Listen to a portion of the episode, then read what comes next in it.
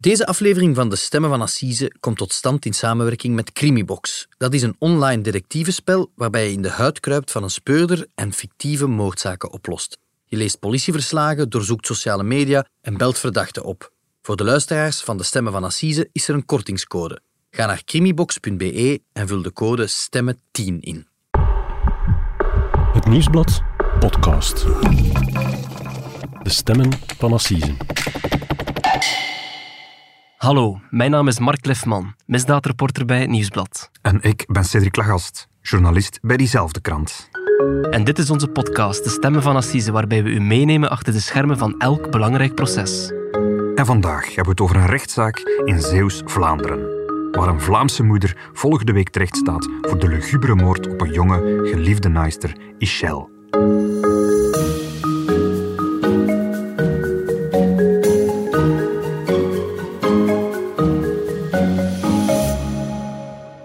Mark. Dag Cedric. Mark, welkom in onze podcaststudio. Dank u. Een bijzondere zaak vandaag, want we trekken opnieuw de grens over naar Nederland. Ja. De afgelopen weken hebben we al een paar keer een zaak behandeld in onze podcast waar er hier en daar een link was met Nederland. Bijvoorbeeld zoals met eh, Dave de Kok en de kleine Dean. Voilà, bijvoorbeeld. En dat is toeval, we doen het er niet om. Maar ook vandaag hebben we opnieuw een podcast waarvoor we naar Nederland moeten. We moeten naar Zeeuws-Vlaanderen, Ja. naar het dorpje Oostburg. En alles draait rond de moord op Ischel van de Velde. Ja, en Oostburg, dat ligt eigenlijk eh, ja, op nog geen half uur rijden van, van Knokke en Brugge, dus ja, pal over de grens. Maar los daarvan heeft deze zaak ook heel veel met Vlaanderen te maken, want het proces dat op 8 november in de rechtbank van Middelburg eh, zal starten, draait volledig rond één vrouw, en dat is een Vlaamse moeder van negen kinderen. En alle ogen zullen dus gericht zijn op Sandra Hellemans. Want Sandra Hellemans zal dan terechtstaan voor de gruwelijke moord op Michelle van de Velde. Ja, en aandachtige luisteraars die zullen opmerken dat wij al eens een podcast hebben gemaakt over deze zaak. Dat was denk ik ja, anderhalf jaar geleden ongeveer. Ja. Voilà. En volgende week start het proces, heb je net gezegd. Maar sindsdien zijn er ook heel veel details naar boven gekomen. Absoluut, hè. ja. Een van de dingen die ik nog van, van de vorige podcast herinner, is dat het eigenlijk om een driehoeksrelatie ging. ja, daar had het alle schijn van hè, op dat moment. Ja, absoluut. Het gaat over twee vrouwen die verliefd waren op dezelfde man. En die man, de Vlaming Felix, die heb jij opgezocht. En die komt ook aan het woord in deze podcast. Ja, klopt. Goedenavond. Politie en justitie verdenken een aangehouden 44-jarige vrouw uit Aardenburg van moord op Ischelle van de Velde uit Oostburg. Het lichaam van Ischelle is nog niet gevonden, maar politie en justitie achten de kans heel klein dat ze nog in leven is. Dinsdag werd de vrouw aangehouden en was er na acht weken een doorbraak in de zaak. De 44-jarige verdachte is een bekende van Ischelle. Haar winkel is in dezelfde straat en in die winkel vond de politie aanwijzingen. Dinsdag hadden we het idee dat ze ze ehm, wederrechtelijk van haar vrijheid zou hebben beroofd. Maar we hebben in de winkel hebben we allerlei sporen aangetroffen die wijzen op een misdrijf. Mark, we horen hier een fragment van Omroep Zeeland. Dat was in februari vorig jaar. Daarmee is voor ons ook de, zaak eigenlijk begonnen. Hè? Want we hoorden de, de politie vertellen dat ze een Vlaamse vrouw hadden opgepakt. De Vlaamse Sandra Hellemans. Op verdenking van een moord. Dat is het moment dat wij ons ook voor die moord zijn beginnen interesseren. Mark, om ons geheugen nog eens even op te frissen. Leg nog eens uit, wie was Ischel precies en wat is er precies allemaal gebeurd in Oostburg? ja, dus, dus zoals gezegd, Oostburg is een klein dorpje van amper twee winkelstraatjes groot. En eh Ischelle, dat was, dat was een jonge vrouw van 29, die, die baatte daar ja, sinds een jaar of twee, denk ik, een, eh, een klein vintage naaimwinkeltje uit. Nu, een jaar voor haar dood is ook de Vlaamse moeder Sandra Hellemans, die is daar ook een winkeltje gestart, eigenlijk ja, twee huizen naast Ischel. En zij baatte een, een, ja, een beetje een bijzonder winkeltje uit, een spiritueel winkeltje met prolaria, zoals geurkaarsen en wierook. Maar goed, eh, zo kwamen Ischel en Sandra dan met elkaar in contact. En ja, op een gegeven moment werden zij ook vriendinnen. En wat ik me nog herinner is dat plots Ischel van de ene dag op de andere gewoon verdwenen was. Het is begonnen als een, als een verdwijningszaak eigenlijk. Ja, dat klopt. Hè. Dus we spreken over half december, nu, nu bijna twee jaar geleden. En plots was Ischelle weg, van de ene dag op de andere. Ze gaf geen teken van leven meer. Haar appartement was leeg, ze reageerde niet meer op berichten.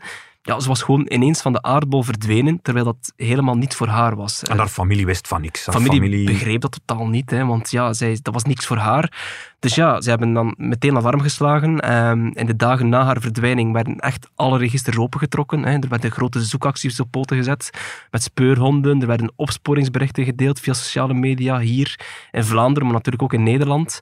Maar ja, zoals dat je kon horen in het fragment, het, het lichaam van Ischelle van de Velde werd maar niet gevonden. En dan komen we uiteindelijk bij het moment van het geluidsfragment dat we net gehoord hebben. Ja. Het moment waarop dat een Vlaamse vrouw wordt opgepakt op verdenking van moord. Tot dan was er geen sprake van moord, maar dan... Eerst was een- het een verdwijning, echt. Hè? ja, maar op dat moment gaat de Nederlandse politie er plots vanuit, er hier is een moord gepleegd. Ja, en dat komt omdat er vrij snel al geruchten opdoken in Oostburg. Hè, dat was ook niet zo groot, hè, dat zeiden we net.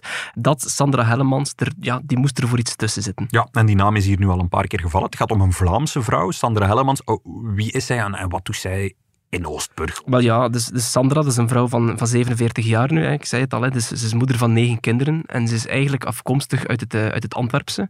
Maar ze woonde ondertussen, hè, in de periode van de feiten, woonde ze in Aardenburg. Dat is ook een, een klein dorpje net over de grens. En zij baatte dus dat winkeltje uit. Het was een beetje, ik zei het al, het is een beetje een raar winkeltje. Ze hield zich ook bezig met zwarte magie en alternatieve geneeskunde. Een beetje, Is daar een grote markt voor? eh? ja, dat weet ik niet, maar daar kwamen blijkbaar wel nog veel mensen over de vloer. Ja, veel toeristen ook die ook een keer kwamen kijken. Ja. En het klopt dus dat zij al vrij snel gelinkt werd aan die verdwijning van Ischelle. En dat kwam waarschijnlijk ja, omdat het, ja, zij kwamen goed overeen. Maar vooral ook Felix Mortemans, dat is eigenlijk de, de, de man van Sandra. Ook hij kwam al een tijdje zeer goed overeen met Ischelle. En, en wat ik me nog van, van, van de vorige podcast herinner, je hebt het nu over goed overeenkomen, over vriendschap. Het, was meer dan dat. Hè. Felix was eigenlijk, had eigenlijk een relatie met die Shell. Ja, en dat gonsde daar wel van de geruchten dan uiteindelijk na die verdwijning. Nu, om dat allemaal te begrijpen, moet je de context snappen. Ehm, ik heb de voorbije twee jaar veel gesprekken gehad met Felix. Ik heb hem leren kennen toen ik hem de eerste keer opzocht eh, na die huiszoeking in Aardenburg, eh, bij hem thuis toen Sander gearresteerd werd. Ja. En, en sindsdien ben ik geregeld bij hem thuis geweest. En het verhaal van Felix is eigenlijk... Hij zegt dat, dat hij en zijn toenmalige vrouw Sanda, dat, is dat zij al heel lang naast elkaar leefden. Dus zij woonden wel nog onder één dak, maar eigenlijk waren zij zo goed als uit elkaar. Ja. En hij zegt van, kijk, het klopt dat hij kort voor de verdwijning van Ischelle een relatie met haar gestart was. Ehm, hij heeft me ook de vele liefdesberichten tussen Beetje hem... stiekem eigenlijk. Het was, het was een affaire. Ja, het was, het was eigenlijk nog niet publiek kenbaar gemaakt, maar ze, ja, ze, hadden gevoelens voor elkaar schijnbaar. En de hij heeft dat laten zien ook in de berichten, de, de liefdesberichten tussen hem en Ischelle heeft hij mij laten lezen en dat klopt ook wel. En, en wist Sandra daarvan? Sandra die heeft dat op een gegeven moment ook in de gaten gehad. En ja, ik zeg het, ze hadden gevoelens voor elkaar gekregen. En op de dag van haar verdwijning kreeg hij 's ochtends nog eh WhatsApp-berichten van Michelle. Maar plots, eh, zegt Felix, werd alle contact verbroken. Maar, maar om het even te kaderen, Felix, dat is ook een Vlaming, Ja. begrijp ik? Ja, Inderdaad. Die had dus eigenlijk een- een stiekem relatie met Ischel, maar die woonde wel nog altijd samen met Sandra en met hun kinderen onder Ja. één dak. En als zijn vriendin Ischel verdwijnt, heeft hij dan nooit in, in idee gehad dat die Sandra daar ergens voor iets voor, voor zou tussen zitten? Nee, en dat verwondert misschien een beetje, maar hij had echt niets in de gaten. Dus eh, tot aan de arrestatie van Sandra zegt Felix van kijk, hij heeft dus, ik heb nog twee maanden met haar samengewoond, maar nooit had hij iets raars aan zijn eigen vrouw gemerkt. Ehm, blijkbaar is Sandra heel rustig gebleven na die, na die verdwijning, of na die feiten dan. Heeft zij zich ook niet verdacht gedragen. Meer nog, eh, Cedric, dus toen er dan ja, grootschalige zoekacties op poten werden gezet, ging Sandra meehelpen zoeken naar Ischelle. Dat is straf. Ja, ze heeft bijvoorbeeld ook eh, het opsporingsbericht eh, dat massaal gedeeld werd in Vlaanderen en in Nederland. Ze heeft dat dan ook gedeeld op haar sociale media. Mhm. Dus ze heeft, ja, ze heeft daar eigenlijk van alles zitten veinzen op dat moment. En het meest bizarre in die heel die periode, de eerste twee dagen na de verdwijning van Ischelle, kregen zowel de familie van Ischelle als Felix eh, nog berichtjes van het toestel van Ischelle. Je hebt Felix de afgelopen jaren verschillende keer gesproken, Mark. Inderdaad. Eh, je hebt hem onlangs opnieuw opgezocht en we kunnen even meeluisteren naar dat gesprek. Van in het begin voelde dat er iets niet juist is. Maar ja, jij hebt op dat moment niet anders. Je hebt een telefoon van Michelle. Dus je stelde je daar vragen bij. Ehm, ook de zinsbouw, de vele fouten in de sms'en. Klopten ook niet in het overeenkomen met het schrijven van Michelle. En ook niet het aspect van waar dat wij eigenlijk in de ochtend op geëindigd waren. Dat was totaal tegenovergestelde dan van het idee waar wij in de ochtend eigenlijk mee bezig waren. In de ochtend was dat van, we gingen nieuwe kansen nemen, alles laag open, we gingen de familie inlichten, we gingen alles vertellen. Echt heel positief. En in die avond waren die sms'en van ineens eh, een Michelle die ehm, zogezegd, het, terwijl het dat niet was. Want wij waren bijeengegroeid vanwege andere zaken. Die hadden niet eens het gevoel dat zij uh, een gezin uit die trok. Dus mensen dat ze ook goed wist dat dat niet was. Dus Felix heeft dan op een, op een bepaald moment dus berichten gekregen van het toestel van Michelle. Maar dat waren berichten waarvan hij later ontdekt heeft dat Sandra die verstuurd heeft met de telefoon van Michelle, terwijl ze gewoon bij, bij hem thuis uh, ja, onder één dak leefde. Dat is voor hem hallucinant. En wellicht was Absoluut. Michelle op dat moment al overleden. Ja. En, en heeft hij op dat moment zelf had hij dat niet door. Nee, nee, nee. Dus hij besefte wel dat er iets niet klopte. Hij besefte van, dat is niet Michelle die aan het sturen is. Zoals hij zei in het fragment, de zinsbouw was ook helemaal anders dan, dan, dan gewoonlijk. Maar dat zijn eigen vrouw was... Had hij nooit kunnen vermoeden, zegt hij. Maar goed, ja, bleef wel spoorloos in die periode. Dus twee maanden lang zelfs. Dus hij kon zich alleen maar neerleggen bij die berichten. En zoals ik zei, van, ja, nooit had hij durven denken dat, dat zijn eigen vrouw achter die sms'en zat. Tot in februari, plots een heel leger aan politieagenten voor zijn deur kwam staan om Sandra Hellemans op te pakken. Ja, dan valt de hemel op je hoofd, denk ik. Absoluut. Dus dat was, hij zegt ook van, kijk, dat was een zeer ingrijpende gebeurtenis. Natuurlijk ook voor de kinderen van Felix die daar, die daar in de woning aanwezig waren. Je moet je dat proberen voorstellen. Dat waren echt tientallen agenten, mensen van de civiele bescherming, die daar plots ja, je huis binnenstormen en jou en de kinderen onmiddellijk wegbrengen ik moet wel zeggen, Felix zegt ook van, ze hebben dat eigenlijk heel goed aangepakt. Ze hebben dat eigenlijk mhm. heel empathisch, uh, zijn ze daar binnen gegaan. Sandra Hellemans zat op dat moment boven in de kamer. Die had zich een beetje verscholen op dat moment. En uh, ja, samen met de politieagenten hebben ze dan eerst de kinderen weggebracht. En die, samen met Felix zijn, zijn die onmiddellijk naar een safe house gebracht. Oei, okay. Echt naar een schuilwoning. Want ja, Sandra Hermans moest geboeid weggevoerd worden. En ze wilde, de politie wilde vermijden dat de kinderen dat zouden zien. Okay. En op dat moment dan begint natuurlijk een heel grootschalig onderzoek. Want de politie moest het hele, de hele woning uitkammen op zoek naar sporen van Michelle. Ja. Tijdens ons gesprek met Felix heeft hij daar ook uh, een aantal zaken uh, over gezegd. Ja, dan valt de grond onder de voeten weg op dat moment. Je zit dan met je eigen kinderen. Je zei eigenlijk de liefde op dat moment, wat ons noemen, leven van het leven. We waren echt stapel verleefd, dus op dat moment, je weet echt niet wat er gebeurt. Ja, dat is heel moeilijk te interpreteren op dat moment. En je moet dat ook proberen uit te leggen aan die kinderen, want media, daar hou je niet tegen. dus die zitten nooit met vragen. Dat is echt, uh, ja, een hel. Wat, wat beseft dat je dan nog twee man met een moordenares, je eigen vrouw, onder één dak hebt? Dat is enorm vies. Mark, om de situatie waarin Felix zit even samen te vatten. Dus zijn vrouw zit in de gevangenis, zijn vriendin is vermist. Maar waar die vriendin is, waar Michelle is, dat is op dat moment nog altijd niet duidelijk. Want nee. er is sprake van haar moord, maar er is geen lichaam gevonden. Nee, ze hebben het lichaam op dat moment nog niet gevonden. Hè. Dus uh, de Nederlandse autoriteiten hadden natuurlijk sterke vermoedens hè, dat Sandra Hellemans ja, meer met die verdwijning moest te maken hebben. Maar het is echt op dat moment van die inval in die woning dat het onderzoek nog echt moet beginnen. Dus er worden huiszoekingen verricht bij haar thuis in Aardenburg, maar ook in haar spiritueel winkeltje in Oosburg. Ja. En tijdens die huiszoekingen wordt snel duidelijk dat het winkeltje dat dat de plaats delict is. Dat wil zeggen, daar is iets gebeurd. Daar is iets gebeurd. Daar zijn duidelijke sporen teruggevonden van een ernstig misdrijf. Um, je moet weten, in die winkel, daar hing, ja, toen de politie daar binnenstormde, hing daar een, een, een duidelijke lijkgeur. Maar er werden ook ja, duidelijke bloedsporen teruggevonden. En hoe weet de politie dat dat een lijkgeur is? Maar de politie is daar natuurlijk binnengevallen met uh, speciale speurhonden die dat, die dat konden vaststellen.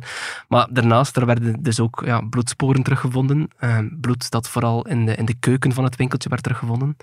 Um, en vooral ook bij de inval werden de laarzen van Sandra Hellemans in beslag genomen. En ook daar um, werden duidelijke bloedsporen op teruggevonden. Dus dat was een duidelijke aanwijzing dat zij bij de feiten betrokken was. Dus de denkpiste dat het om een moord zou gaan, dat wordt... Alleen maar versterkt. Hè? Concreter, lijks, lijkgeur, bloedsporen. Maar we hebben nog altijd geen lichaam. Er is nog altijd geen concreet bewijs dat ze vermoord is. Nee, dus op, op het moment dat de speuders binnenvallen bij Felix en Sandra thuis, hebben, hebben de speuders inderdaad nog geen idee waar Michelle kan zijn. Maar uh, tijdens die huiszoeking wordt natuurlijk wel veel in beslag genomen, zoals bijvoorbeeld uh, de gsm van, uh, van Sandra. Ook haar wagen wordt extra, allee, wordt, wordt echt wel uitvoerig onderzocht. Mm -hmm. En uit dat onderzoek blijkt dat Sandra Hellemans na de verdwijning meermaals naar het kanaal tussen Sluis en Retranchement is gereden. Dat is ook een klein dorpje daar in de buurt. En natuurlijk is de politie daar dan uitvoerig gaan, uh, gaan zoeken. Ja, en die beelden van die zoekacties in, in, in het water, mm -hmm. daar heeft toen ook bij ons in de krant gestaan. Hè? Absoluut, ja. Het waren ook in, op dat moment heel veel nabestaanden en vrienden van Michelle die mee gingen zoeken. Ik had bijvoorbeeld uh, een jaar na de verdwijning van Michelle, had ik uh, hier op de redactie een, een, uitgebreid interview met Rob, dat is de vader van Michelle. Dat is, dat is een man die, die, die woont en werkt in Antwerpen. Ja. En hij vertelde me dat ze toen tijdens die zoekacties, zijn ze met, met 65 mensen, allemaal bekenden van Michelle, uh, ja, echt gaan zoeken naar haar. Hè. En in het begin was dat, een, ja, was dat puur in het wilde weg. Ze hadden eigenlijk niet echt een idee waar ze moesten beginnen. En als ik het goed begrepen heb, heb je daarnet gezegd dat Sandra Hellemans zelf ook mee is gaan zoeken. Ja, en dat is behoorlijk ja, hallucinant eigenlijk als je dat nu achteraf bekijkt. Want, want Rob, hè, de vader van Michelle, heeft Sandra Hellemans toen ook voor het eerst gezien. En hij vertelde me tijdens ons interview van, kijk, ja, toen ik haar zag, wist ik meteen van, dit is foute boel. En waarom? Wat? Ik denk dat dat een beetje zijn buikgevoel al was op dat moment. Um, je moet weten, de Jeffrey, dat is de broer van Michelle, mm -hmm. um, die is op dat moment ook de winkel van Sandra eens binnengestapt. En hij zei na afloop dat die winkel van Sandra abnormaal stonk naar wierook. En dat was om de lijkgeur te verbergen, ja, denk ik dan. Achteraf zegt Rob nu van, kijk ja, achteraf was dat misschien, uh, was die wieroker misschien om een andere geur te verbergen, namelijk ja, de lijkgeur. Dus als ik het goed begreep, de familie van Michelle, de dag na haar verdwijning, zijn ze al in de winkel van Sandra Hellemans geweest. Ja, heel kort. Maar ze hebben daar niks vreemds op Nee, dus eigenlijk stonden ze op dat moment op de plaats delict, maar hadden ze dat toen niet in de gaten. Dus uh, pas enkele weken later, na de arrestatie van Sandra Hellemans, hebben ze dat dus vernomen. Ja. En voor de nabestaanden was dat natuurlijk een, een enorme shock. Um, Rob zegt letterlijk dat ze wereld toen is ingestort. Dat, is, dat, dat, dat, dat lijkt me evident. Maar alsof het nog niet erg genoeg was, op dat moment was er dus nog altijd geen spoor van het lichaam van Michelle. Maar dat lichaam is wel degelijk daar in het water gevonden op de plek waar ze ja, altijd met de auto heen reed. Ja, maar dat heeft dan nog een week geduurd. Hè. Dus er zijn dan heel veel zoekacties geweest op het water. En op een gegeven moment werd daar dan een lichaamsdeel uit het kanaal gehaald. En, en wat bleek? Eh, van de Velde werd eh, na haar dood in stukken gezaagd. En haar lichaamsdelen werden dan ja, verpakt in plastic in het kanaal gegooid. En het heeft dan meerdere dagen geduurd uh, dat er verschillende lichaamsdelen uit het water zijn gehaald. En heeft de Nederlandse politie uiteindelijk haar volledige lichaam gevonden? Uiteindelijk wel. Dus op een zeker moment uh, zegt Rob, uh, de vader, zei dan van kijk, we moesten bijna beslissen om afscheid te nemen van Michelle, terwijl ja, zijn dochter op dat moment niet compleet was. En dat voelde natuurlijk voor de nabestaanden enorm slecht. En ze zijn dan nog een laatste keer gaan zoeken in een bootje op het water met gespecialiseerde speurhonden. En ja, dat was ook de eerste keer dat Rob zelf in zo'n bootje plaatsnam. En plots op een gegeven moment zagen ze dan in het water een, een grijze vuilniszak liggen. En dat bleek dan het laatste resterende lichaamsdeel van Michelle te zijn. Maar voor de familie was dat uh, zeer belangrijk, want ja, op dat moment pas konden ze afscheid nemen van Michelle.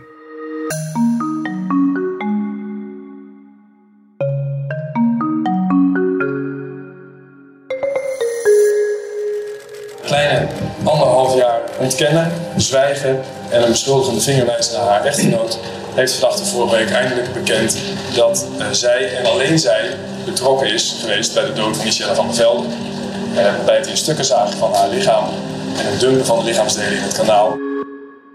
Mark, horen hier het nieuws dat Sandra Hellemans bekend heeft. Zij heeft bekend dat ze Michelle heeft vermoord. Ja, dat was natuurlijk een zeer belangrijk moment in het onderzoek. Uh, je merkte dat ook aan de woorden van de Nederlandse officier van justitie in het fragment.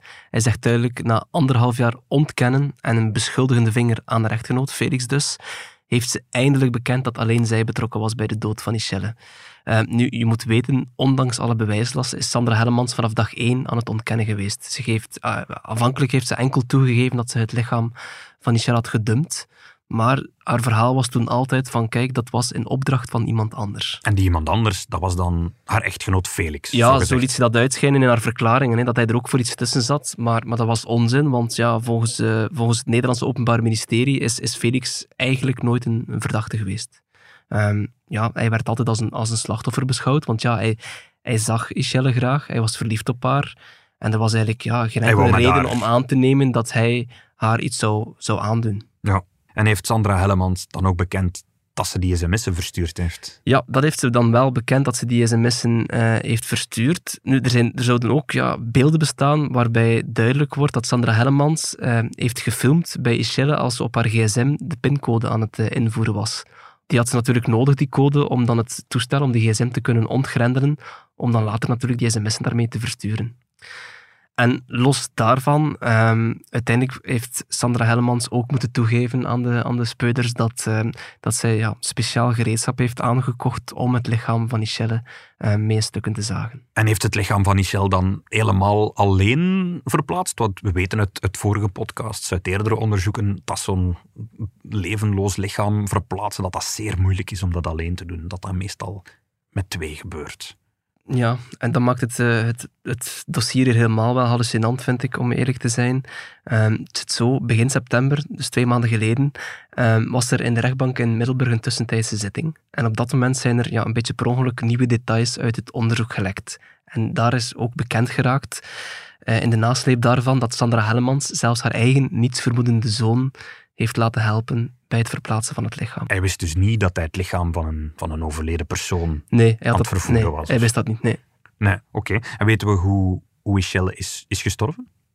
Nee, afhankelijk was het onduidelijk hoe Michelle precies om het leven was gebracht. Het was duidelijk dat het daar in de winkel was gebeurd, maar de onderzoekers hadden nog niet gecommuniceerd over de precieze doodsoorzaak. En ja, door een toeval, door een vergissing, hebben, hebben journalisten in Nederland uh, ja, op het zittingsblad van de, van de rechtszaak, daar in september, hebben zij kunnen lezen dat uit de verklaringen van Sandra blijkt dat Michelle, ja, ze zou eerst geduwd geweest zijn, waardoor ze dan bewusteloos is geraakt. En vervolgens zou Sandra Hellemans, volgens haar verklaringen dan, uh, haar keel hebben dichtgeknepen tot ze uiteindelijk stierf. Ze is dus versmoord, zoals, Ja. dat, zoals dat heet. Ja. Ja. En, en haar zoon heeft niet geholpen bij, bij die moord. Nee, nee, nee, zeker en vast niet. Hè. Dat, dat, laat daar geen, eh, geen misverstand rond bestaan. Dus, ehm, maar uit die voorlopige tenlasteleggingen eh, tijdens die tussentijdse zitting is ook gebleken dat Sandra Hellemans ervan verdacht wordt dat ze het lichaam van Michelle heeft weggemaakt in vereniging, zoals dat heet. Hè. Dus niet alleen in vereniging. En dat zit dus effectief zo.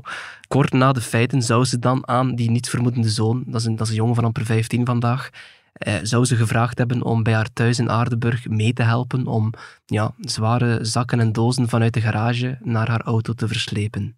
En, en de zoon in kwestie die had dus ja, totaal geen idee wat dat was, maar die luisterde gewoon ja, naar de bevelen van zijn moeder. En, eh, en Felix, de, de papa, die, die, ja, die, die heeft het daar ook even over. Dan is inderdaad mijn zoon op een of andere manier beginnen. Hij zegt van. Ik heb daar een slecht gevoel bij. En dan is hij beginnen vertellen van. Dat was tijdens eh, de studie, mijn thuisstudie, in coronatijd. Hij zegt, dan vraagt de mama aan mij van te helpen in de garage. Dat op zijn eigen vond ik in die tijd al raar, want ik kwam bijna nooit niet in de garage. Maar dat kan. Jullie zijn uiteen ontgaan van alles en nog wat. De jongen volgt ook niet in alles.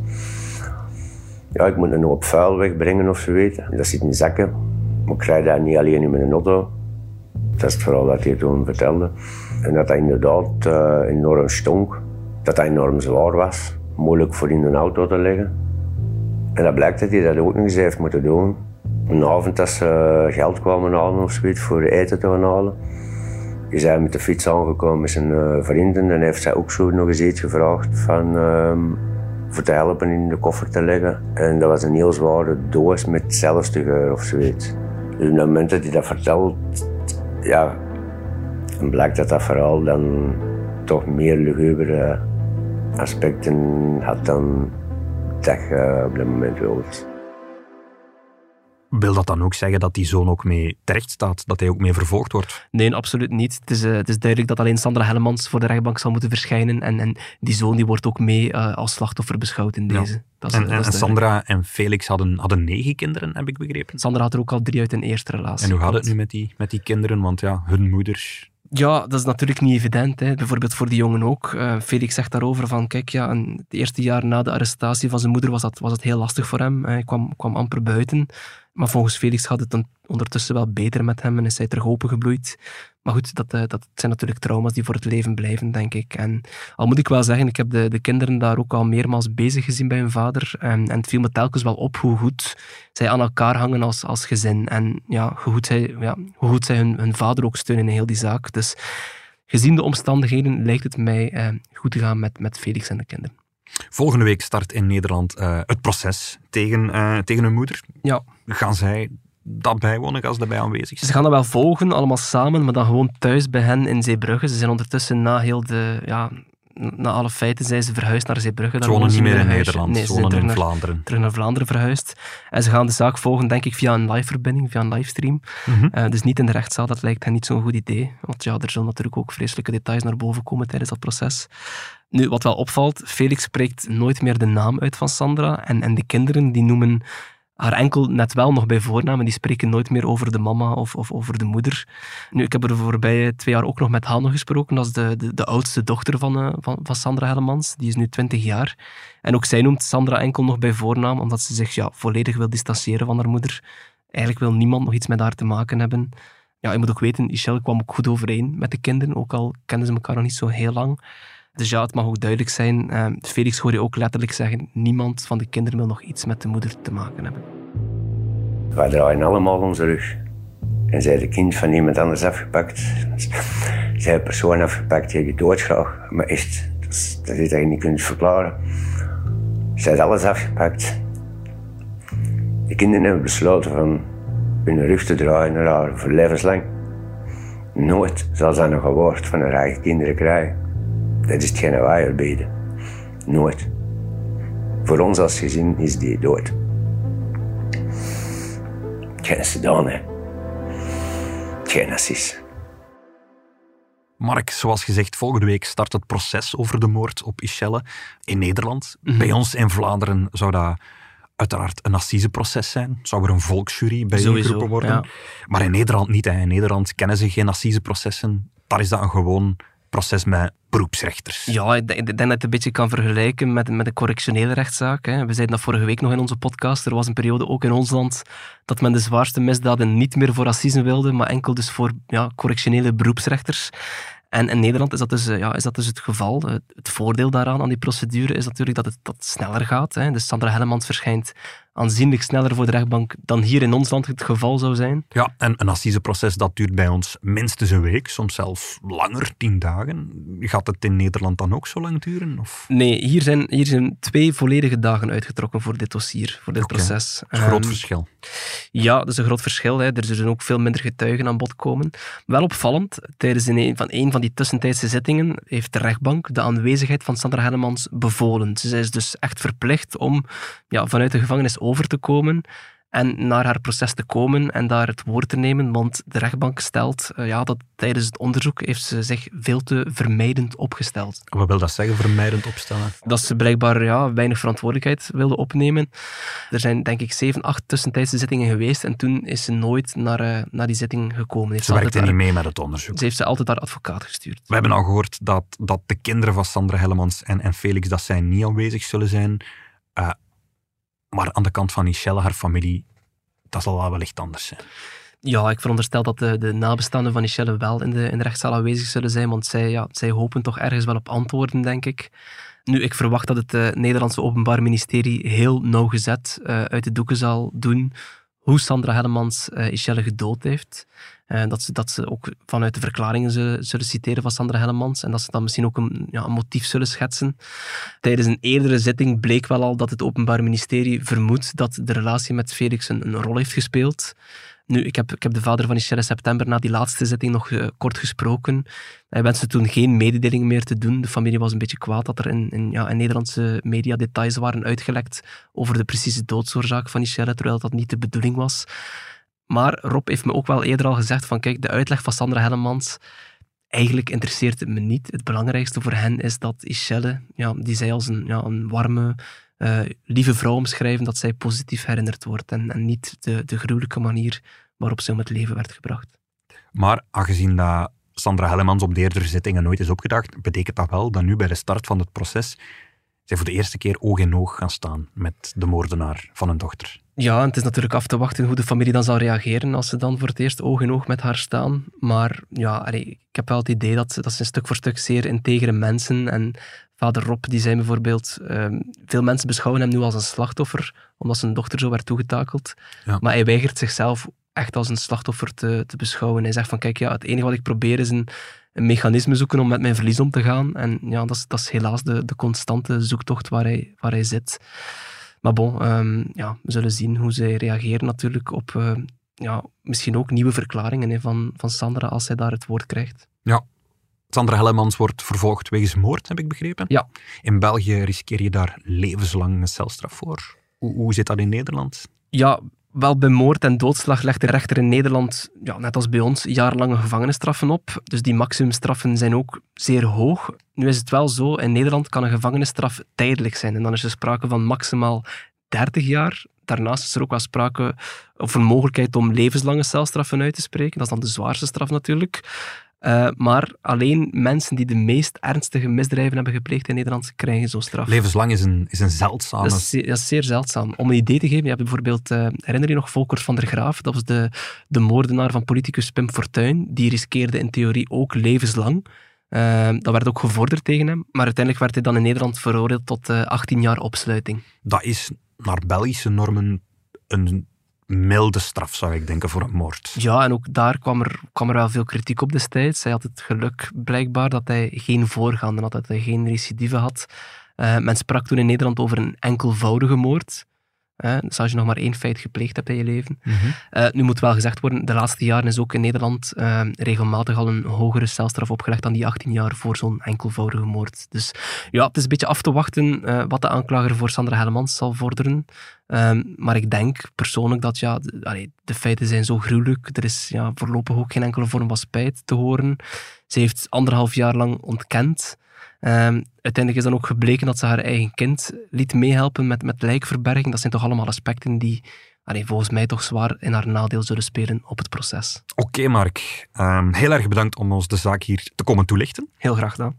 Jij gaat dat proces ook volgen in Nederland, heb ik begrepen? Ja, absoluut. Ja, het proces gaat uh, twee dagen duren, hebben we al gezegd. Dat zal zijn op 8 en 9 november.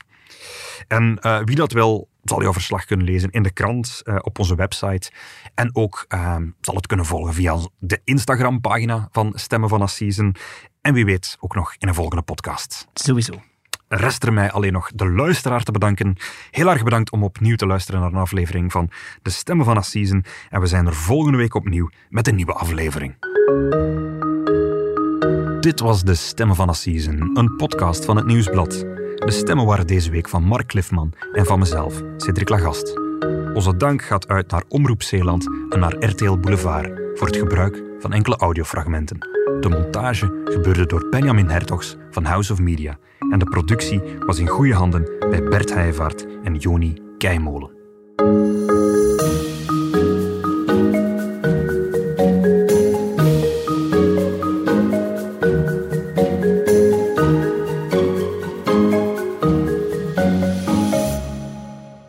Dag, beste luisteraars. Ik heb goed nieuws voor jullie.